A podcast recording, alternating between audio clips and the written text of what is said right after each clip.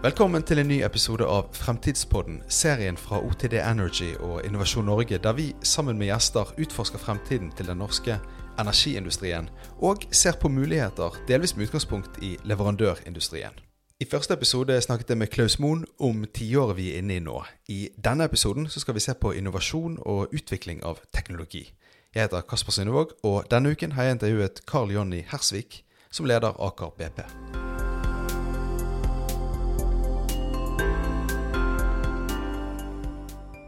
I forrige episode så snakket vi med Klaus Moen om de store utfordringene i eh, norsk olje- og energibransje står overfor det neste tiåret. En ting som er sikkert er at Innovasjon av ny teknologi blir viktig i en bransje i omstilling mot renere energi.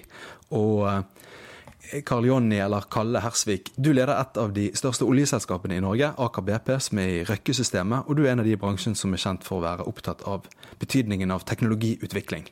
Du har til og med mottatt en pris for det, OG21 Technology Champion. Vi skal gå litt dypere inn i det, men hvis du først kan prøve å svare kort på det, hvorfor blir ny teknologi så avgjørende for den norske oljebransjen i årene fremover? Ja, takk skal du ha, Kasper. Du, um, for det første så har teknologi og teknologiutvikling det har jo vært uh, sentralt på norsk kontinentalsokkel nærmest fra, fra tidenes morgen, så to, speak. Uh, og vi har jo lenge hatt uh, verdensrekorder i sikte, og vi har, ofte tenkt at liksom det å ha en verdensrekord eller to per, uh, per utviklingsprosjekt, det er nesten en must. Noe annet kan vi ikke ta mål av. Så det er jo ikke slik at dette er teknologi, med, med, teknologiutvikling er nytt. Men det som skjer, og som må treffes av olje- og gassbransjen, er at hele denne fjerde industrielle revolusjon, eller kombinasjonen av data science, cloud, eh, ekstremt forenklet tilgang til data, maskinlæring det vil si hele det aspektet rundt digitalisering, det er i ferd med å endre måten vi både tenker på, jobber på og, og, og samhandler på. Det er klart, eh, Olje- og gassbransjen er ikke immun mot sånne store eh, paradigmeskift. Og faktisk så mener jeg at dette er en av de største mulighetene for norsk kontinentalsokkel. Du har jo vært spesielt opptatt av digitalisering. Er det fortsatt der det er mest å gå på fremover, eller er det, er det skjedd så mye der de siste årene? Nei, jeg mener det, jeg mener det faktisk ikke har skjedd så himla mye. Altså, eh, Hvis du forholder deg til liksom hele industrisegmentet, da, så er det egentlig ikke så veldig spesielt med olje og gass. Uh, og så kan du holde det opp mot det som vi forventer som konsumere eller konsumenter, så, så ligger jo industrisegmentet betydelig bak. Um, så, så, det er klart at vi som konsumenter vi vil jo ikke funne oss i å, å drive oss og uh, skrive ut arbeidsordre og uh, løpt rundt og lette etter drikken mens vi hadde et uh, hefte som fra fire-fem år tilbake igjen som beskrev når trikken skulle komme. Altså Det er lenge siden vi slutta med sånne ting. Men det er fortsatt vanlig praksis i industrien. Så jeg mener Vi har ganske mye å gå på når det gjelder liksom, for digitalisert arbeidsprosessene våre, forenkle hverdagen vår. Og så kan du flytte deg over mer komplekse ting som maskinlæring, prediktivt vedlikehold, uh, som forbedrer oppetiden. Vi kan begynne å bli mer nøyaktige på hvordan vi plasserer brønner i reservoaret, som er en kombinasjon av sensorikk og, og digitale modeller osv. Og nesten uansett hvordan jeg snur meg, så er det mange teknologier som har hardware-komponenter, til store hardware-komponenter. Men jeg kan nesten ikke tenke på en eneste teknologiutvikling noe som vi enten har vært en del av eller igangsatt, som ikke hadde en stor grad av digitalisering eller digital teknologi i seg. Hmm. Så jeg mener det er et av de aller viktigste temaene å mestre for fremtidens olje- og gasselskap. Det er å virkelig bli skikkelig god på, på digital. Er det andre store behover du ser, andre områder vi trenger ny teknologiutvikling, eller der det ligger potensialet for det? Ja, jeg, jeg tror jo teknologiutvikling på norsk sokkel har jo lenge handlet om liksom lengre, større, dypere, kaldere osv. Altså, teknologier som åpner opp operasjonskonvolutten vår og gir oss tilgang til ressurser og reserver som vi før ikke har hatt tilgang til. Mm. Eh, Horisontalboring på Troll er et sånt eksempel som åpnet opp hele domenet rundt tynne oljelag. Eh, Subsea-kompressor på Åsgard osv. osv. I fremtiden så tror jeg teknologi som handler om lav kost og lav karbon, eh, blir mye viktigere. Altså det å kunne produsere med minimale utslipp og billigst mulig, eh, blir mer viktig enn teknologi som øker operasjonskonvolutten din. Eh, ergo så tror jeg vi som eh, teknologiindustri er nødt til å, eller som industri er nødt til å flytte fokus vekk fra dagens dagens fokus på liksom det å øke kapabilitetene, og mer fokus på å redusere kost eh, og redusere karbonavtrykket i vår virksomhet. Det betyr at eh, kanskje blir det viktigere nå å få utstyret til vare lengre, blir vedlikeholdt mindre. Eh, det å få laga utstyr som er enklere å forholde seg til, enklere å operere med, kan eh, driftes med færre folk eller endog ubemanna. Altså hele det der bildet der blir ekstremt viktig. Så jeg tror, eh, jeg tror hvis, det er, hvis, det er, to sånne stikkord, to sånne fire stikkord blir det, det er lavt kost og så er det lav karbon. Det er det som er, mm.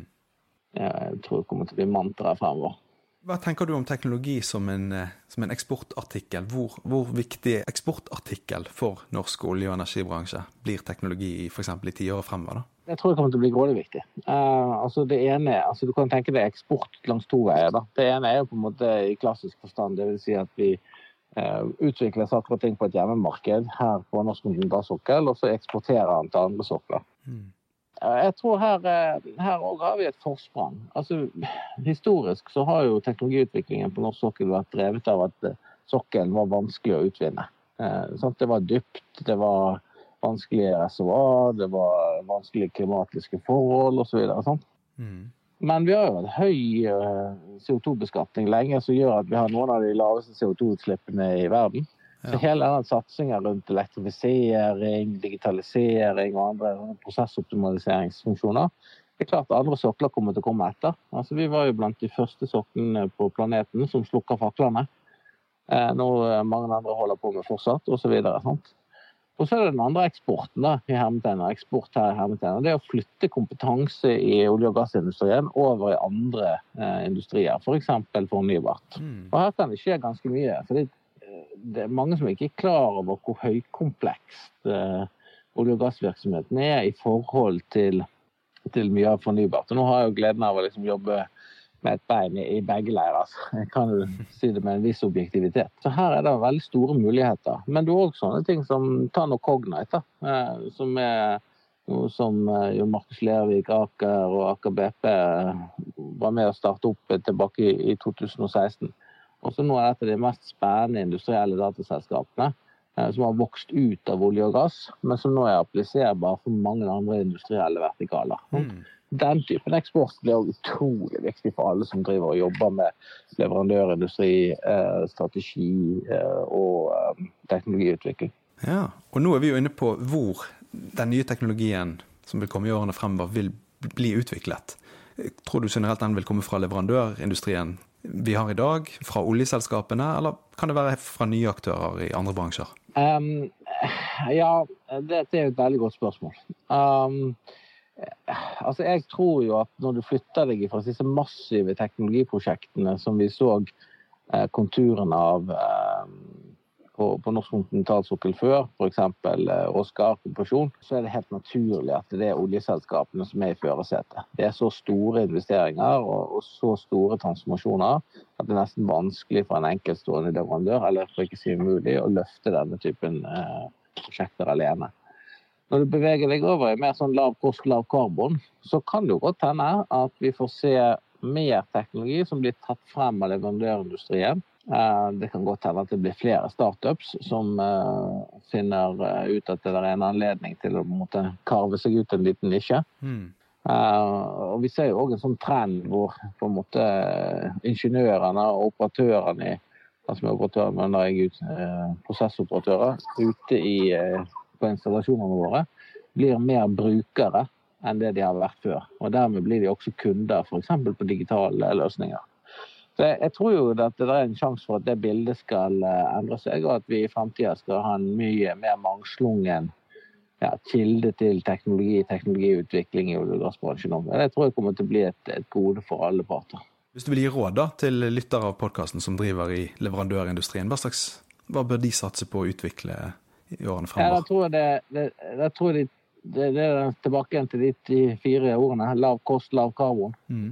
Jeg, jeg, tror jeg ville kikke på utviklingsporteføljen min og så ville jeg sagt hvor mye av dette understøtter reelt sett en slik strategi. Um, og, og, jeg merker meg jo at uh, kreativiteten er høy for å på en måte komme opp med koblinger hvor CO2 og CO2-utslippsreduksjoner kobles til teknologi, og gjerne eksisterende teknologi. Men, men, her mener jeg faktisk at man må liksom ta litt som rev i seilene. Så må man sette seg ned og så må man spørre seg sjøl hvordan, hvordan funker dette egentlig? Altså, Er det reelt sett en lav kost, lav karbon-teknologi? Og, og hvis, ikke, hvis, ikke, det, så ville nok eh, satt eh, både teknologi- og strategiavdelinger og markedsavdelinger i gang med å jobbe. Eh, for jeg tror at det er det, langs de to hovedaksene at eh, det kommer til å bli store markedsmuligheter i framtida. Mm. Ok, Hvis vi eh, løfter blikket litt og ser mer generelt på bransjen, eh, overgang til sirkulær økonomi, fremvekst av fornybar, vil du si at vi, at vi går mot en gradvis overgang til eh, mer og mer av andre energiformer enn olje? Jeg tror, jeg tror bransjen forfølger jo i dag egentlig tre hovedstrategier. Eh, det ene er det som kalles diverse eller brede energiselskap. Hvor man prøver å ta opp i seg enten eh, ja, egentlig både, både, olje og gass, eh, fornybart, men, men også kanskje òg deler inn i konsumentleddet som batteri, batteriteknologi, infrastruktur og distribusjon og den typen ting. Eh, så har du en del selskaper som eh, velger å avslutte sitt engasjement i olje- og gassbransjen og konvertere seg til fornybarselskaper. Altså Dong, som nå heter Ørsted, var jo et slikt selskap. Uh, og så har du jo noen da som er, uh, satser fortsatt på olje og gass, og, som er pure play olje- og gasselskaper. Og i den kategorien er jo Aker BP. Mm. Det vil jo ikke forundre meg om de tre hovedstrategiene vil stå seg òg for selskapene i framtida. Ser du for deg at Aker BP vil være et rent oljeselskap i, i overskuelig fremtid? Nei, ikke bare se for, for, se for meg. Aker BP kommer til å være et rent olje- og gasselskap. Mm. Um, dette er jo en strategi som vi har uh, lagt for en stund tilbake, og som er godt forankra. Og og vi mener at vi er mest verdiskapende uh, ved å gjøre det vi kan best. Og så får vi heller sørge for at vi gjør det så godt at både altså inntektene øker såpass at både skatteinngangen, dvs. Si provenyet, og, og utbetalinga til eierne våre blir så høy at de kan redistribuere den kapitalen. Ja, for Aker-systemet har jo fått mye oppmerksomhet det siste året for flere eh, grønne selskaper som skal satse på fornybar. Hvordan påvirker det eh, Aker BP?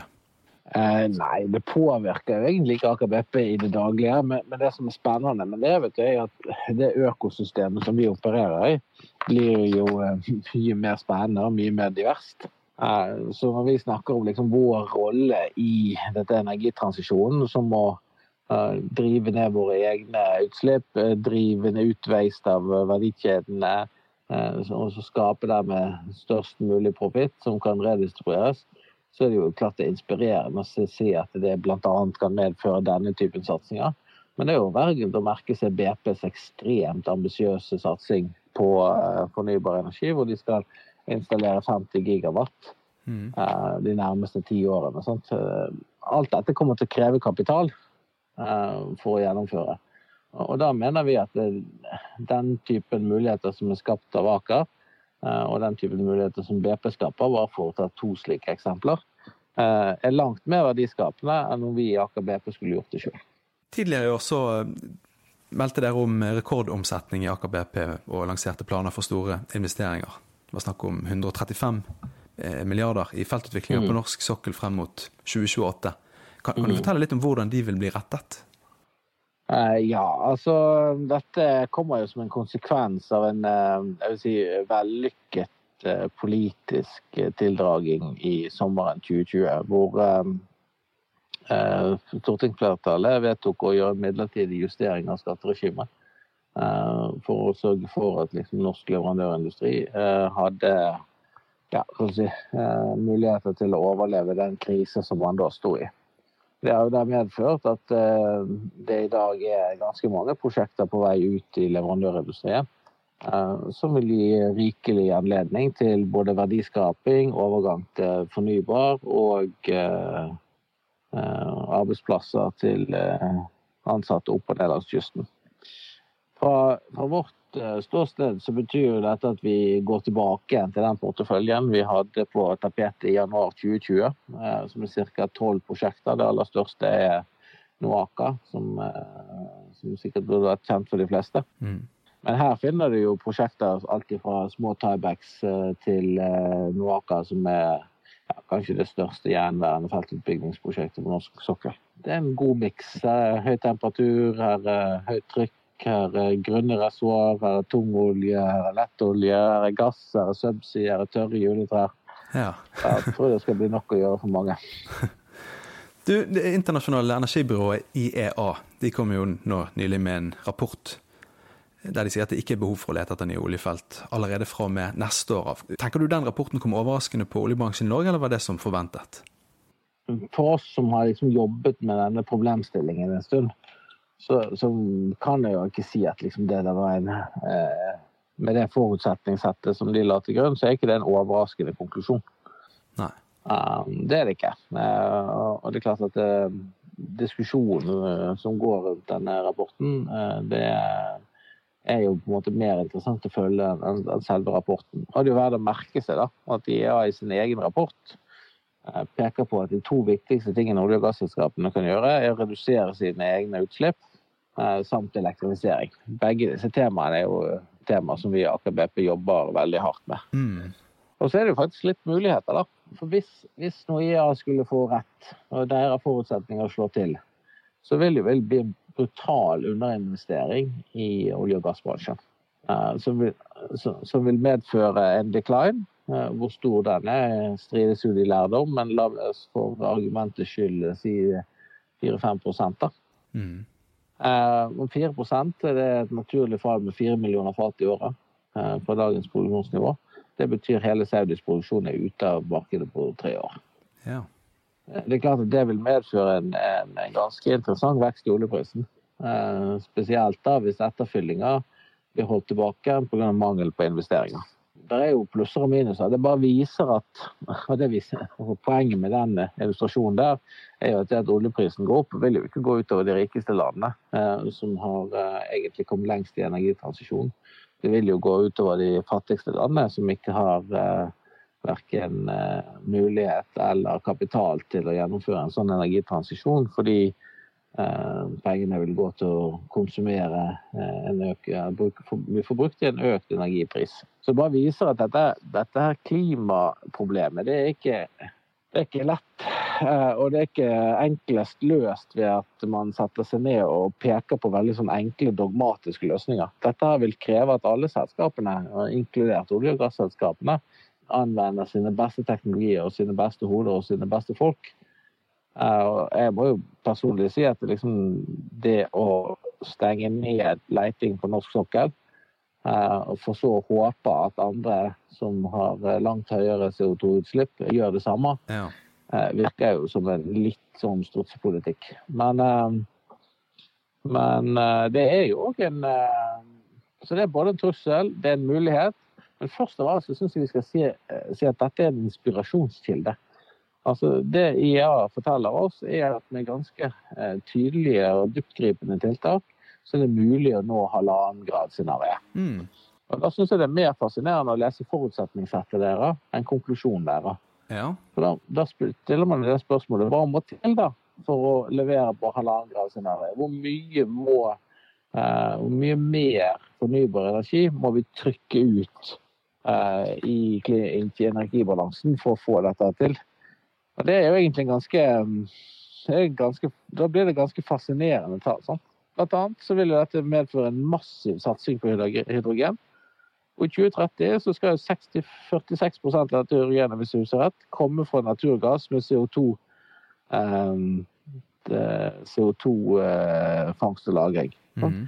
Det er en enorm økning fra dagens nivå, og det er bare ni år ned i veien. Så her, tilbake igjen til der du starta med teknologiutvikling. Ingenting av dette her lar seg løse uten en massiv satsing på teknologiutvikling. Både innenfor lagring, innenfor fangst av CO2, innenfor antageligvis bruk av CO2 som et eh, materiale, innenfor distribusjon av strøm osv. Alt dette vil kreve kapital, og den kapitalen må komme et eller annet sted ifra. Og jeg tror at vi som olje- og gasselskap i AKBP, vi har den eh, mest robuste strategien ved å gjøre det vi kan best, nemlig å produsere olje og gass til lavest mulig utslipp og til lavest mulig kost, for å være med å finansiere den transisjonen som vi vet må til. Datoen som ble satt, altså fra 2021, den, var den tidligere enn hva man forventet? Nei, men du vet når man har laga sånne rapporter før, så har det stort sett gått mot uh, togradersscenarioet. Mm. Uh, og der bruker man en metode som heter et uh, karbonbudsjett. Det er klart Hvis du reduserer det karbonbudsjettet uh, til, til, å nå halvannengradersmålet, så må du starte tidligere. Hmm. Så heller ikke det var spesielt overraska for oss som har jobbet med det. Nei. Tror du at, at rapporten vil eller innholdet igjen, da. Tror du at det vil påvirke den norske oljebransjen til f.eks. å flytte i enda større grad investeringer over på, på, utvikling eh, av eksisterende felt, eller på ny teknologi, og bort fra leting? Det må jo folk eh, ta sine egne eh, valg rundt. Altså, jeg har et ganske balansert syn på dette. Jeg tror som sagt at hvis IEA sin rapport slår til, så vil det bli betydelige underinvesteringer i olje- og gassbransjen, og det vil være en ganske stor mulighet for de som kan levere oljeproduksjon med lav, lav kost og lav karbon. Mm. Uh, så for, å svare for seg sjøl, vi har ingen slike planer. Nei. Du, nå I april så advarte du ifølge E24 mot for mange prosjekter innen både olje og fornybar. Du fryktet for et uh, prosjektrush og manet til edruelighet. Hva er nedsiden i at det skjer for mye for fort? Ja, Nå mente vel ikke til edruelighet rundt uh, prosjektrush, men at man faktisk uh, har en, en, viss edruelighet rundt prisvekst og, og øknad i kostnad. Mm. Det som er utfordringen når du får for mye aktivitet inn i en leverandør eller en leverandørindustri, er jo selvfølgelig at du får kostnadsoverskridelser. som en følge av enten for dårlig ingeniering, for dårlig planlegging, endringer underveis eller kvalitetsproblemer i produksjonen. Som igjen vil medføre forsinket oppstart, dårligere økonomi. Men enda viktigere, vet du, og med referanse tilbake til rapporten, mm. Eh, vi som industri er jo overhodet ikke tjent med å demonstrere overfor våre stakeholdere at vi ikke er i stand til å gjennomføre de prosjektene vi har lovet eh, eh, folk at vi skal gjennomføre. Hva er bakgrunnen for at, at, det kommer et sånt rush av prosjekter akkurat nå? Nei, Det tror jeg er veldig enkelt. Det liksom en det var jo dette vi prøvde å motvirke i 2020. Sant? Det har jo vært en, en kontinuerlig nedbygging av leverandørbransjen eh, fra 2014. Eh, og når covid slo inn eh, i februar-mars 2020, så var jo denne leverandørbransjen bare så vidt kommet opp i knestående. Og så kommer liksom denne, denne Kall prosjektporteføljen her, da. Og, da må vi som oljeselskap være litt ja, vi må være litt uh, edruelige og passe på at liksom, vi, vi, hjelper til at uh, det blir en god overgang fra det som har vært et ganske krevende uh, en ganske krevende periode fra 2014 og frem til nå. Blir så glatt som mulig, slik at vi leverer på de lovnader vi har gitt som industri.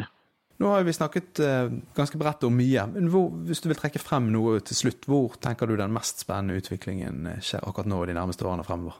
Et godt engelsk uttrykk som sier uh, 'where you stand depends on where you sit'. Um, så det kommer litt an på utsiktspunktet. Men hvis uh, man så på dette for et leverandørindustri, så vil du si at dette var en ekstraordinært uh, mulighet. Uh, du har en prosjektportefølje som kommer imot deg, mm. som skal gjennomføres. Uh, du har en sokkel som er konkurransedyktig både på kostnad og CO2-utslipp, som et hjemmemarked. Så hvis jeg hadde sittet i leverandørindustrien, så hadde jeg virkelig tatt en hard et hardt blikk på min portefølje og lurt på hvordan den var posisjonert i forhold til lav post og lav karbon. Mm. Eh, for oss som olje- og gasselskap så er jeg blitt vant til en ekstremt volatil eh, oljepris. Men, men det, det, er klart at det, eh, fra mitt eh, ståsted så kan jeg jo ikke noe annet enn å liksom trekke litt sånn på smilebåndet. For jeg, jeg, har jo troa på at vi nå er på vei inn i en sykkel eh, hvor oljeprisen kommer til å være ganske høy. Eh, og aktivitetsnivået ganske høyt. Uh, drevet både av av en del uh, diskusjoner rundt, uh, rundt IA-rapport og lignende. og så tror jeg at på litt lengre sikt så tilhører fremtiden de beste olje- og gasselskapene. Så det vil nok bli en ganske stor konsolidering av de som ikke helt evner å omstille seg.